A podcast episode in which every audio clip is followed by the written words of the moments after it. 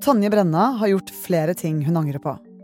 I dag publiserte VG en sak om at kunnskapsministeren har gitt et styreverv i en stiftelse til en god venn. Denne stiftelsen gir penger videre til Utøya AS.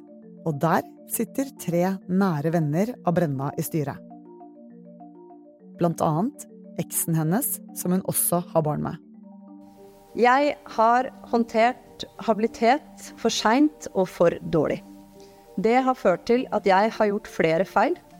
Det er alvorlig, og det beklager jeg. Det er tirsdag ettermiddag 20. juni.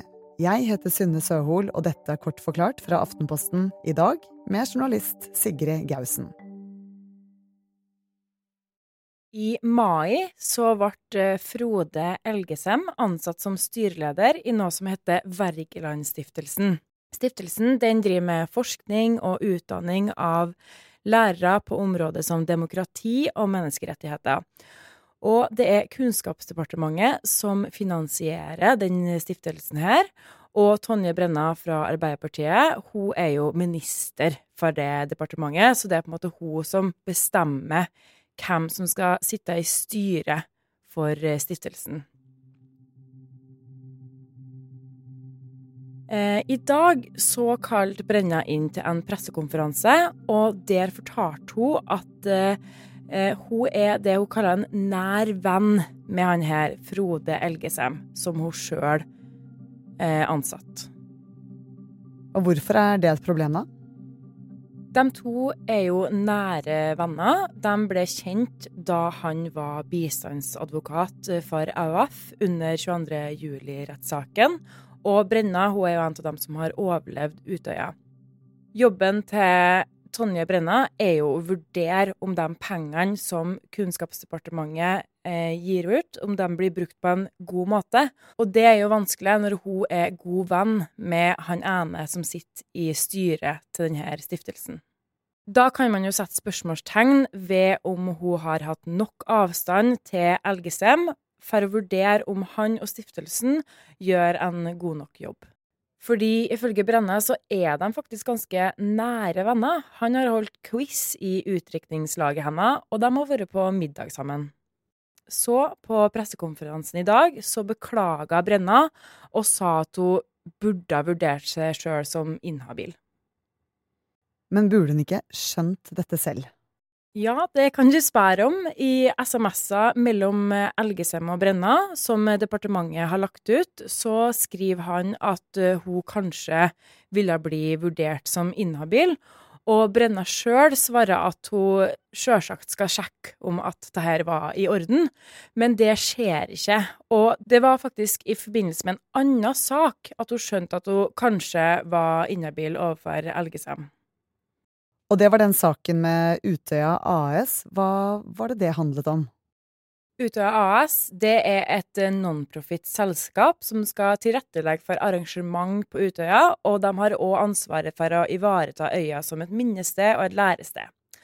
Og her sitter tre gode venner av Brenna i styret. Faktisk så er en av dem ekssamboeren hennes, og de har et barn sammen. Utøya AS de får penger fra Wergelandstiftelsen, og som dere husker, det er her han Elgesem satt i styret. Og de igjen får da penger av departementet til Brenna. Så det er faktisk to tilfeller hvor det er habilitetsproblem. Og når det kommer til Utøya AS, så sier Brenna at hun ikke har forstått at hun var inhabil overfor den organisasjonen. Og det er fordi at de eh, indirekte fikk betaling fra hennes sitt departement. Men hun er klar på at uh, hun åpenbart er inhabil overfor de tre vennene. Men hva var det Brenna egentlig burde gjort i denne situasjonen? Det er det hun gjør nå, og det er å sette inn det vi kaller en settestatsråd, som da tar seg av de sakene hvor hun er inhabil. Så det er noen andre i regjeringa som uh, jobber med de sakene. Sigrid, hvor nære er for nære i politikken? Det er ikke helt enkelt, men juristene i Kunnskapsdepartementet mener at uh, Tonje Brenna ikke er inhabil overfor Elgesem, f.eks. Um, men de er klare på at hun er inhabil overfor Utøya AS. Hvordan kan de vurdere det sånn eh, Det er jo snakk om en nær venn her. Ja, det kan du si, men det er altså juristene i Kunnskapsdepartementet som har vurdert det her, og de skriver sjøl at eh, sjøl om forholdet utenfra kan ses på som et eh, godt bekjentskap eller et vennskap, så mangler det ut ifra beskrivelsen det personlige aspektet som er definerende for det gode og nære vennskap. Så de mener altså at hun juridisk sett ikke er inhabil. Men den vurderinga her, den eh, er ikke hun helt enig i, så hun har faktisk sjøl erklært seg inhabil overfor han. Hvordan har reaksjonene vært? Opposisjonen de har vært uh, utrolig kritisk, spesielt til ansettelsen av Frode Elgesem. Og kontroll- og konstitusjonskomiteen på Stortinget de sier at de skal undersøke saken. Er det sånn at uh, Tonje Brenna må gå av nå? Hun sier sjøl at hun har lyst til å bli sittende, og Jonas Gahr Støre støtter hun i det. Men det har jo vært tilfeller hvor statsråder har måttet gå av pga. dårlig håndtering av habilitet. Vi må egentlig rett og slett bare se hvordan saken utvikler seg.